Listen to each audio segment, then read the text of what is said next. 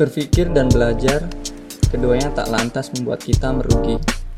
Sebaliknya, justru berpikir dan belajar membuat kita memahami mana yang baik dan mana yang buruk. Terlebih lagi, mampu membuat kita yakin hakikat dari suatu kebenaran. Aku Sonana Rohman, enjoy my podcast.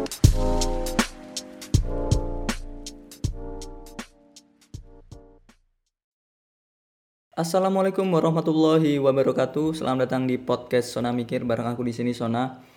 Dan untuk mengawali ini aku mau mengucapkan uh, selamat Hari Anak Nasional. Jadi ketika bikin podcast ini itu tanggal 23 Juli 2021 hari Jumat. Nah, bertepatan banget nih ha, uh, dengan Hari Pendidikan Anak Nasional. Jadi emang uh, tema ataupun apa yang aku sampaikan berkaitan dengan konteks pendidikan. Ya secara teknis ya gitu loh. Uh, karena ya ingin memperingati itu dan ingin bahas sesuatu yang berkaitan dengan kegiatan belajar mengajar khususnya itu ya untuk usia anak-anak lah ibaratnya bukan untuk usia remaja atau nggak dewasa maksudnya pendidikannya. Jadi mungkin teman-teman udah ketahui di judul bakal ngebahas tentang yang namanya tantangan uh, ketika mengajar tatap muka lagi nih. Dan kita udah ketahui sebelumnya sebelum kita ngebahas tantangan tersebut ketika belajar uh, tatap muka lagi ya. Karena isunya adalah beberapa uh, waktu ke depan bakal dilakukan kembali kegiatan ataupun belajar tatap muka di sekolah. Nah, uh, sedari awal kita udah ketahui ya bahwasanya di kala pandemi ini banyak permasalahan yang terjadi di dunia pendidikan gitu loh. Ya memang sih gitu kan. Krusialnya ada pada konteks uh, apa ya kurikulum yang dibuat oleh pemerintah gitu loh. Di mana itu semuanya yang mesti uh, berjalan satu semester ternyata dipersingkat menjadi uh, beberapa termin gitu loh. Jadi ada penyingkatan lah, penyederhanaan biar emang nggak terbebani. Karena emang pandemi siapa yang tahu gitu loh jadi mau nggak mau kan ah, harus ada penyesuaian dengan begitu cepatnya. Penyesuaian yang begitu cepat ini tidak begitu berkualitas atau tidak begitu maksimal ya gitu sehingga ketika uh, teknis kegiatan belajar mengajar juga ada beberapa kendala yang mesti mau nggak mau harus dihadapi gitu loh. Dan uh, there is no any solution gitu kan. Jadi emang ya following aja gitu loh let it flow aja. Dalam artian juga memang ada masalah tapi nggak tahu solusinya kayak gimana. Jadi ya udah ikuti aja dulu gitu. Intinya seperti demikian banyak ya teknis-teknis kegiatan uh, belajar mengajar gitu kan selama pandemi yakni ketika belajar online gitu loh. Yang pertama memang kita uh, secara umum udah ketahui tentang kesiapan dari uh, materi materi belajar itu sendiri gitu loh. Di awal-awal juga tidak hanya materinya ya sebenarnya untuk kalau kita membahas tentang yang namanya kesiapan dari uh, sisi siswanya, gurunya, serta orang tuanya itu kesiapannya juga kurang gitu loh. Tiba-tiba pandemi uh, sekolah online and bam gitu loh. Semuanya emang harus uh, di mana orang tua memang kudu struggle gitu kan untuk perekonomian tapi juga mesti ngebimbing anaknya untuk sekolah gitu kan sekolah online.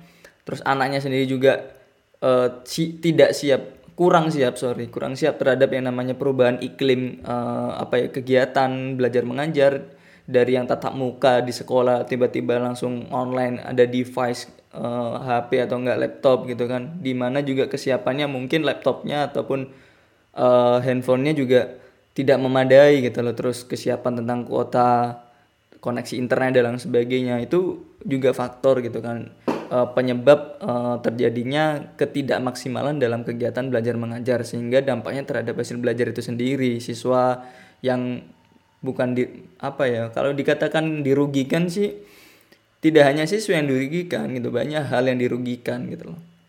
Ya orang tua ya siswa juga dirugikan terhadap pendidikan ini karena emang apa ya dampak besarnya itu terhadap kualitas generasi gitu loh. Ya kan? Itu sih kesiapan dari gurunya sendiri yang uh, mana dari mengajar tatap muka dengan metode yang mungkin bisa dikatakan konvensional gitu kan eh, tiba-tiba harus teknologi base gitu kan di mana harus benar-benar menguasai uh, device teknologi gitu loh. Perangkat-perangkat yang digunakan ketika mengajar menggunakan Zoom atau enggak menggunakan media-media lain yang begitu kreatif itu ya masih banyak yang belum gitu loh. Meskipun sekarang udah ada banyak pelatihan ya gitu loh tapi tidak semua guru mendapati itu. Tidak semua guru bisa melakukan itu meskipun dapat pelatihan tapi mempraktikannya juga agak susah gitu kan. Apalagi yang sorry to say gitu kan yang udah uh, elderly kayak gitu yang udah agak uh, tua gitu kan. Dan apalagi guru yang kecenderungannya malas untuk beradaptasi ataupun malas untuk uh, apa ya belajar lagi gitu kan. Ya udah deh gini bakal repot dan lain sebagainya. Sebenarnya banyak banget. Dampaknya juga kalau kita ngebahas dampak alhasil jadi uh, seperti ini bahwasanya fokus siswa gitu kan juga cenderung uh, karena ketika ngajar online gitu kan itu fokus siswa kecuali kalau ngajar onlinenya itu ya satu-satu gitu loh di persesi satu-satu gitu kan. Tapi kalau misalnya ada tim kecil uh, sorry kelompok kecil kayak gitu meskipun kelompok kecil juga um, mengontrol siswanya guru mengontrol siswa juga agak kesusahan bukan gitu loh. Karena emang tidak langsung bersentuhan berkomunikasi atau berinteraksi secara langsung ada gapnya melalui device yang digunakan gitu loh ya kan. Sehingga meskipun dibilangin maksudnya guru menasehati ya uh, sense-nya nggak dapet vibes-nya nggak dapet gitu loh. Bisa saja dinasehati oleh guru tapi siswa itu yang apa ya pikirannya nggak di situ gitu loh. Nggak fokus kepada nasihat dari guru ataupun pengajaran dari guru dan sebagainya. Itu sangat mungkin terjadi gitu loh. Jadi controlling dari uh, guru agak susah di sini sehingga learning vibes uh, learning vibes-nya juga uh, apa ya agak nggak dapet gitu loh kalau learning vibes juga nggak dapet maksudnya environment yang ada gitu tidak sama sekali support terhadap yang namanya kegiatan belajar juga ya si anak ataupun siswa ini pasti ada kecenderungan juga tidak begitu antusias terhadap yang namanya kegiatan belajar mengajar itu meskipun orang tua ada di sana orang tua support misalnya tapi tidak cukup hanya pada orang tua, memang peran orang tua ini besar sekali di kala pandemi ketika kegiatan belajar mengajar uh, daring gitu ya. Memang perannya besar orang tua, tapi ya tidak hanya orang tua saja yang diandalkan gitu loh. Semuanya itu perlu untuk diandalkan sekali gitu. Ya. Jadi korbannya ada pada si siswa, orang tua, guru, bahkan ya hampir ke semua generasi gitu karena learning vibes-nya juga uh, apa ya agak susah juga gitu kalaupun bisa membentuk learning vibes ya kan? Uh, dari guru gitu kan membentuk learning vibes yang begitu apik lah ya gitu. Ya tidak semua siswa itu akan bakal ngerasain vibes-nya uh, vibes-nya tersebut gitu loh. Ya beberapa saja gitu kan. Karena emang controlling tadi loh yang agak susahnya gitu. Dan aku sadar itu sih aku juga kan sempat ngajar online gitu kan. Uh, sorry privat ya bahasa Inggris. Ya vibesnya juga aku rasa kurang gitu loh. Interaksi juga kurang gitu loh karena emang terhalang oleh uh, koneksi gitu kan. Terus terhalang oleh yang namanya lingkungan dia. Jadi kalau aku kan udah mengatur bahwasanya ketika aku ngajar uh, lingkungan aku kan uh, ini ya di kamar gitu kan. Jadi udah aku set banget environmentnya mendukung gitu. Nah, aku kan tidak mengetahui ataupun e, kalau mengetahui aku tidak bisa mengontrol yang namanya environment mereka gitu loh, vibes mereka dalam belajar, vibes mereka itu ya keadaan ruangannya gitu. Itu juga kan sangat mempengaruhi. Misalnya kalau mereka e, apa ya? untuk mendapatkan koneksi internet mesti harus di depan rumah misalnya gitu kan ternyata di depan rumah ini lalu lalang kendaraan nih kan bising lah dan sebagainya itu juga akan mempengaruhi gitu loh ke mana ya ke efektifan dari suatu kegiatan belajar gitu. Jadi banyak banget kendala kendala-kendala gitu kan yang bener-bener terus mau gimana lagi intinya kayak gitu ya kan? Nggak bisa bener-bener dikontrol nggak bisa bener-bener diatur sedemikian rupa sehingga ya udah deh gitu. Nah, itu yang aku bilang tadi ada kendala tahu gitu kan tapi nggak tahu bagaimana solusinya gitu. Meskipun uh, udah dikasih tahu harus seperti ini tapi kan nggak ada interaksi secara langsung. Jadi ya repot banget sih seperti itu. Ya uh, terus penguasaan yang namanya device dari anak-anak. Mungkin kalau guru-guru yang muda mungkin cenderung lebih uh, cepat ya bisa ya gitu kan. Anak-anak sendiri kan perlu dibimbing dengan orang tua gitu kan Nah kalau orang tua juga repot, bagaimana sih mengoperasikan ini, mengoperasikan itu, membuat tugas ini, membuat tugas ini, semuanya kan butuh kegiatan, uh, kegiatan butuh uh, bantuan dari orang tua, sorry gitu kan, membutuhkan uh, orang dewasa lain untuk membantu intinya. Nah di sini juga agak kerepotan kan, kalau semisal orang dewasa itu seperti ini, ada kegiatan ini, orang tua ada fokus seperti ini, seperti itu. Kalau benar-benar orang tua bisa 100% mendampingi sih bagus banget gitu loh. Tapi kalau tidak bagaimana gitu kan. Nah itulah. Jadi tidak semua uh, hasil belajar yang baik itu merata jatuhnya. Jadi sih. Uh, selain daripada itu ya impactnya pada learning resultnya hasil belajarnya yang mesti apa ya di disesuaikan jatuhnya gitu loh. Tidak bisa berespektasi learning result itu benar-benar maksimal gitu. Jadi emang istilahnya uh, tujuannya atau goals dari belajar itu mesti beradaptasi dengan kondisi. Jadi kalau kondisinya emang ya kurang support ya ya udah harus diturunkan sesuai dengan kondisi. Biar tidak ada gap yang begitu luar biasa, misalnya kondisi uh, lingkungan belajar mengajar siswa itu kurang memadai tapi ekspektasinya tinggi banget. Hasil belajar anakku harus seperti ini gitu. Harus harus tinggi gitu. Ya agak susah juga kan gitu loh jadi mesti disesuaikan. Ya kalau penurunan ini juga ke, apa ya proses perkembangan dan pertumbuhan siswa juga berpengaruh gitu kalau ada emang hasil belajar yang diturunkan ataupun menurun lah kualitasnya. Itu sih. Terus psychological juga mempengaruhi psychological behavior. Kita udah ketahui bahwasanya uh, alhasil di pandemi ini kecenderungan terhadap yang namanya gadget atau teknologi itu cukup tinggi bukan? Gitu loh uh, alhasil juga siswa banyak mengenal yang namanya game gitu kan di gadgetnya. Selanjutnya ada suatu keinstanan dalam mengerjakan tugas. Dalam artian di sini mungkin ya udah pakai Google gitu kan ya udah pakai ini gitu dan sebagainya. Atau enggak udah langsung aja copy dari copy paste sorry ya dari temen tugas temen dan sebagainya gitu kan. Karena emang tidak mau keribetan gitu meskipun tugas sekolah itu sekarang udah mulai eh di kala pandemi ini pasti udah sangat memaklumi bahwasanya tugas tidak mungkin yang begitu berat gitu loh. Tugasnya memang benar-benar udah disesuaikan banget keringanannya gitu loh. Tapi pastikan ada yang masih menganggap itu berat gitu loh. Jadi mau bener-bener serba instan semua kan gitu loh. Dan sekarang sih internet juga udah udah memberikan atau memprovide segala hal gitu loh.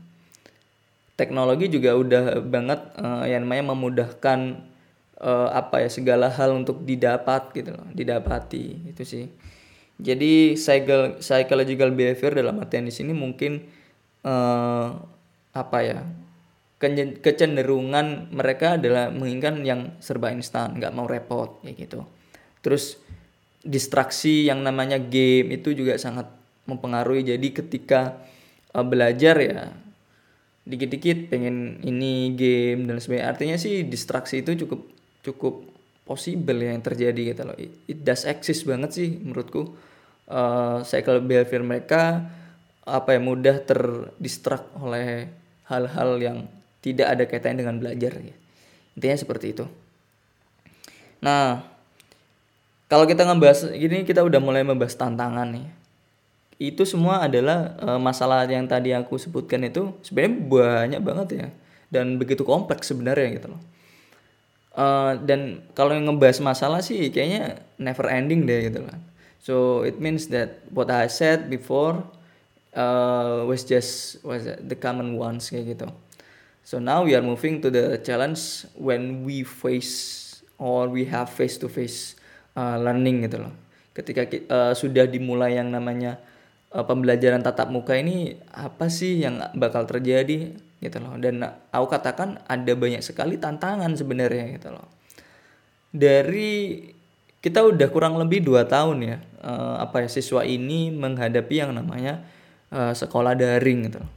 Otomatis uh, tubuh segala hal pemikiran itu udah menyesuaikan yang namanya daring tersebut atau serba online tersebut gitu orang tua pun juga sama gitu uh, apa ya dalam hal membimbing itu udah udah relatif sama apa ya barulah ibaratnya yang menyesuaikan yang namanya uh, online tersebut gitu loh.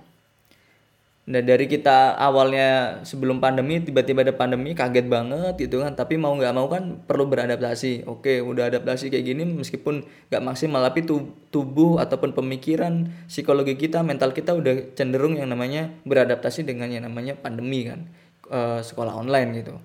Nah terus kita harus kembali lagi e, apa ya yang konvensional artinya tatap muka gitu ada adaptasi lagi pastinya gitu. Dan itu di awal-awal ya ini mungkin di awal-awal terjadi bahwasanya ada keribetan lagi gitu, ketidakmaksimalan lagi gitu kan pasti.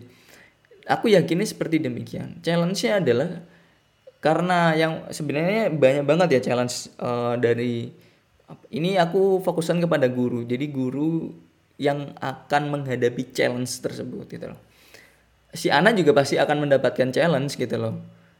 Tapi kan ketika udah di sekolah controlling itu semuanya uh, lebih besar terhadap yang namanya guru gitu kan. Jadi guru pasti akan mendapatkan beban uh, tantangan yang begitu luar biasa di sini. Yang lebih lah ya ketimbang dari ketimbang si siswa itulah jadi challenge dari guru yang bakal uh, dihadapi sebenarnya utamanya itu ada pada uh, metode dalam uh, mengajar gitu loh mungkin seperti ini sih uh, memang guru udah dipunya pengetahuan, punya bekal terhadap yang namanya metode tatap muka gitu kan.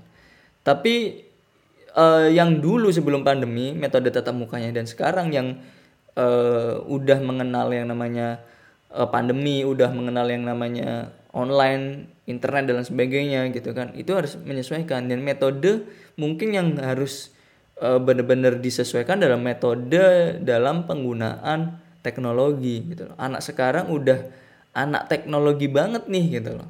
Anak internet banget lah ibaratnya. Meskipun tidak semua anak-anak di Indonesia ini mendapatkan fasilitas internet yang begitu luar biasa mendapatkan fasilitas HP eh, laptop yang baik gitu kan. Ada juga anak-anak di pelosok-pelosok juga yang nggak punya yang namanya HP nggak punya yang namanya laptop gitu loh. Tapi mereka uh, relatively mengetahui tentang yang namanya internet dan pasti kepo terhadap itu sehingga uh, apa ya sekarang guru-guru itu mesti aware banget dengan metode yang berbasis teknologi gitu loh. Apa pun itu ya tidak harus dalam bentuk uh, pakai laptop, harus pakai namanya gadget, tidak harus seperti itu. Tapi anak-anak zaman sekarang itu hampir semuanya itu emang udah udah kenal banget yang namanya internet gitu loh. Itu udah benar-benar dunia mereka sehingga uh, aku rasa sih metode yang digunakan itu dia tadi berbasis teknologi apa pun itu.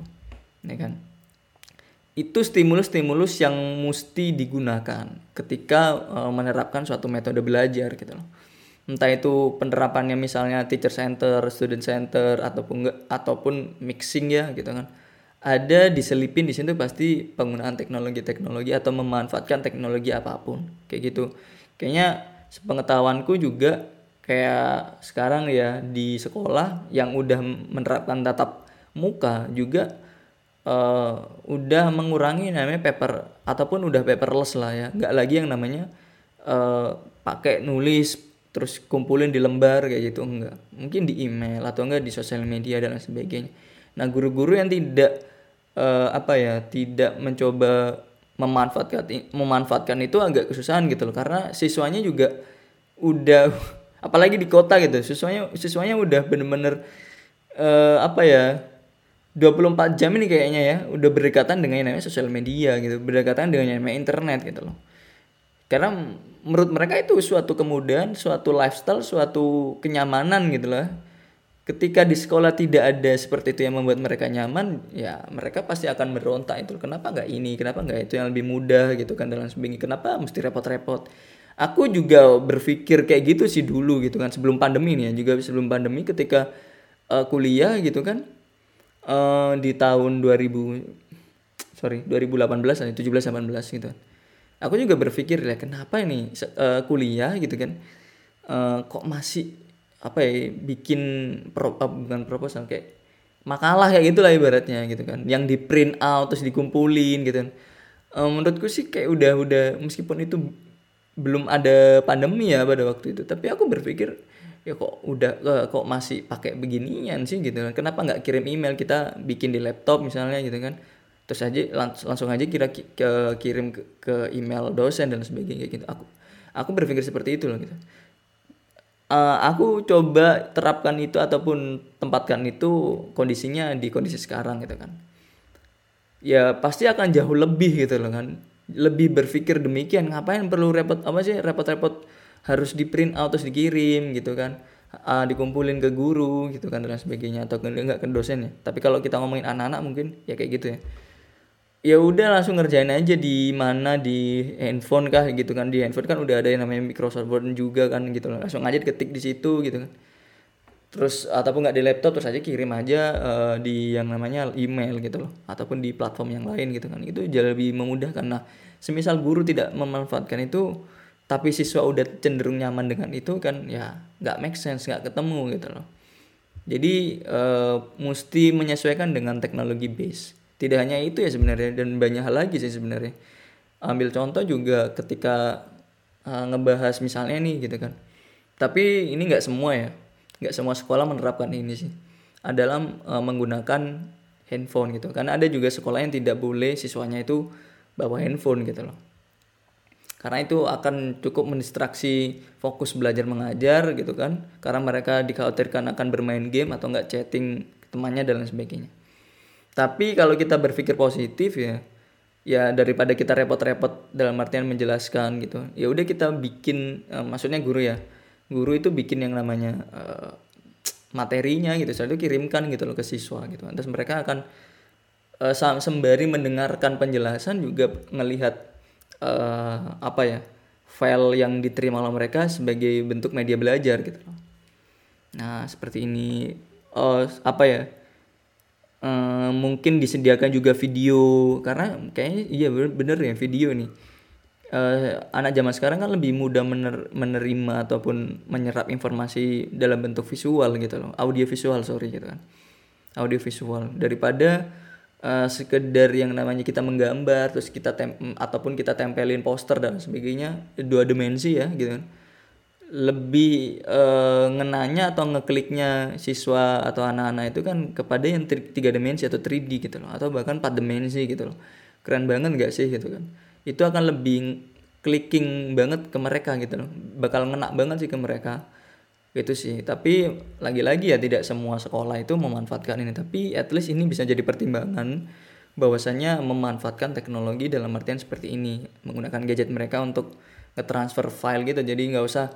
Karena kan kalau misalnya nulis guru menulis di papan tulis itu it takes time gitu loh. It takes a time. Jadi butuh waktu kan kenapa nggak sebelum sebelumnya gitu kan?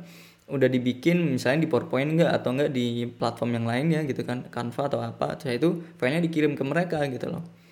Udah lebih cepat. Jadi guru datang uh, uh, apa ya ke kelas gitu kan? Mereka udah menerima file atau enggak sebelumnya mereka udah baca file tersebut? Atau enggak hari hamin satu lah ya file itu dikirim terus mereka baca gitu. Baca aja nggak perlu tahu gitu loh. Baca aja gitu nggak perlu paham.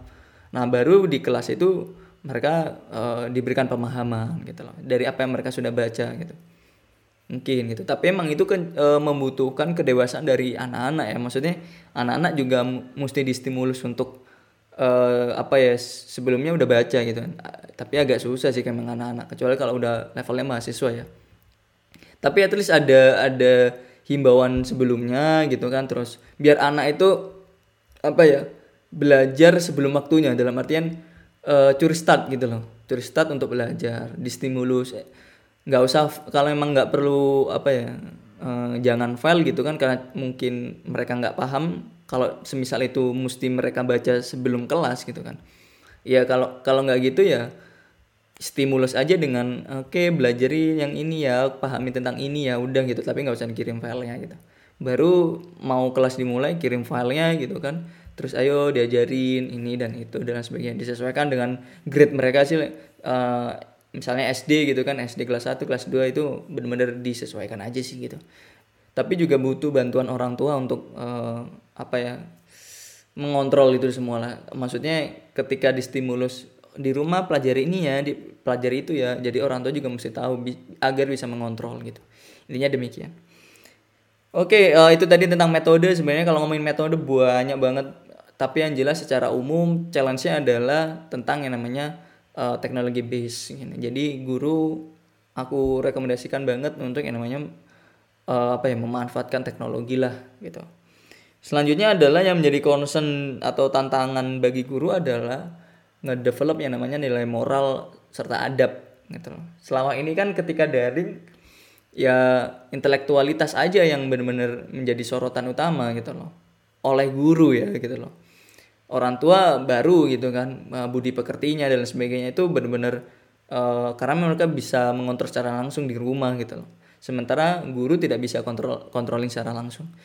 Nah, oleh karena nggak bisa mengontrol gurunya selama uh, apa pandemi ini selama daring jadi ketika nanti udah tatap muka ya mereka juga mesti concern atau fokus juga terhadap yang namanya nilai moral adab atau budi pekerti gitu loh tidak di dalam kelasnya gitu kan. Itu juga menjadi concern mereka untuk benar-benar diajarkan gitu. Ya orang tua kita mesti positive thinking. Orang tua pasti akan mengajarkan nilai-nilai moral yang positif yang baik sesuai dengan kaidah uh, budaya serta agama gitu kan. Tapi uh, apa ya guru juga mesti bantu ketika nanti udah tatap muka. Dan benar-benar itu akan menjadi tantangan uh, kecenderungannya anak zaman sekarang adalah yang tadi menggunakan teknologi sehingga yang terstimulus lebih besar atau lebih dominan adalah ada pada yang namanya intelektualitas mereka. Sementara spiritual mereka juga mungkin tidak sedominan gitu kan daripada yang namanya intelektual. Sehingga ketika yang namanya tatap muka nanti sepertinya mesti dibalanskan di antara yang namanya spiritual dan intelektual kayak gitu. Jadi ketika ngomongin spiritual juga uh, masuk tuh atau include tuh yang namanya budi pekerti adab serta nilai-nilai moral dan lain sebagainya. Itu yang menjadi tantangan karena biar, biar ya tawaduknya lah ibaratnya gitu loh. Tawaduknya yang bener-bener uh, mesti baik sih anak ketika di sekolah gitu. Tidak hanya di sekolah sih sebenarnya tapi juga di rumah gitu jadi orang tua mesti tanggung jawab juga untuk mengajari uh, adab-adab kayak gitu. Di sekolah guru-guru juga mesti mengajari itu. Tapi uh, apa ya karena ya ya tantangannya itu ada pada di sosial media sih sebenarnya. Bahwasanya anak-anak itu mengkonsumsi sosial media dan kecenderungannya kayak gitu kan sekarang. Aku tidak menyalahkan sosial media gitu.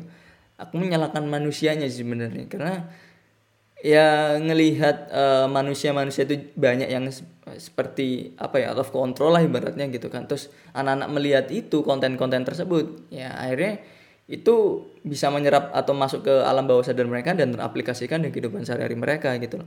Sehingga kalau anak-anak juga yang out of control dalam konteks nilai moral nilai moral mereka juga dikhawatirkan banget kan gitu loh. Sehingga ya ketika nanti di sekolah juga oke okay, gitu kan ya mesti concern di sini juga gitu loh bahkan kalau menurutku sih ya nilai spiritual juga mesti tinggi juga lebih dominan gitu ketimbang intelektual menurutku ya gitu loh. Karena uh, ngajar intinya dia harus dibenerin dulu gitu. Bukan berarti bener terus bodoh gitu kan. Enggak tapi bener uh, bener dalam konteks uh, apa ya spiritual moral budi pekerti adab dan sebagainya. Tapi juga uh, apa ya ditambah lagi juga pinter gitu loh. Tapi ngajarin orang pinter untuk jadi bener itu agak susah gitu. Ngajarin sorry kok orang sih? Ngajarin anak ya.